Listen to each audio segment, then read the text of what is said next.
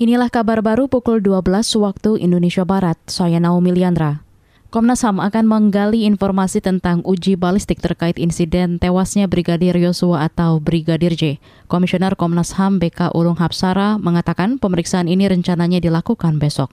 Hari Rabu besok kami mengagendakan untuk meminta keterangan terkait balistik. Jadi terkait peluru, terus kemudian eh, penggunaan senjata, gitu ya. kira-kira seputaran itu. Itu yang akan kami lakukan hari Rabu. Itu tadi Komisioner Komnas HAM BK Ulung Hapsara. Pemeriksaan ini dilakukan usai kemarin tim khusus Polri mendalami hasil uji balistik di rumah dinas Sambo di kawasan Duren 3, Jakarta Selatan. Pendalaman dilakukan untuk mengetahui sudut tembakan, jarak tembakan, dan sebaran pengenaan.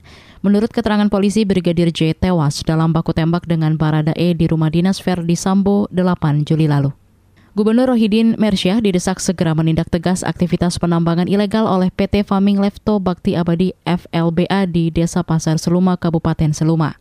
Berikut pernyataan Direktur Eksekutif LSM Lingkungan Walhi Bengkulu, Abdullah Ibrahim Ritongga.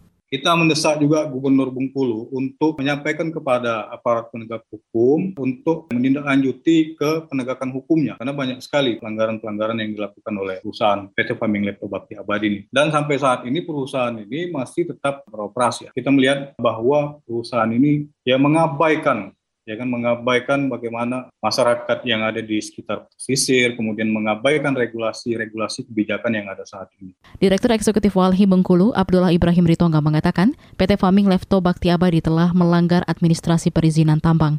Perusahaan juga mencemar lingkungan dan merugikan masyarakat setempat. Selain itu, Abdullah mengkritik Kementerian ESDM karena tidak menindaklanjuti pelanggaran ini. Kita ke informasi mancanegara. Sebanyak 35 orang tewas akibat banjir yang melanda Kentucky, Amerika kemarin. Banjir disebabkan hujan lebat yang mengguyur wilayah itu. Dikutip dari antara Gubernur Kentucky, Andy Beshear memperkirakan jumlah korban jiwa akan bertambah sebab upaya penyelamatan korban masih terhambat cuaca buruk. Andy mengklaim telah memperingatkan masyarakat akan cuaca ekstrim yang melanda Kentucky.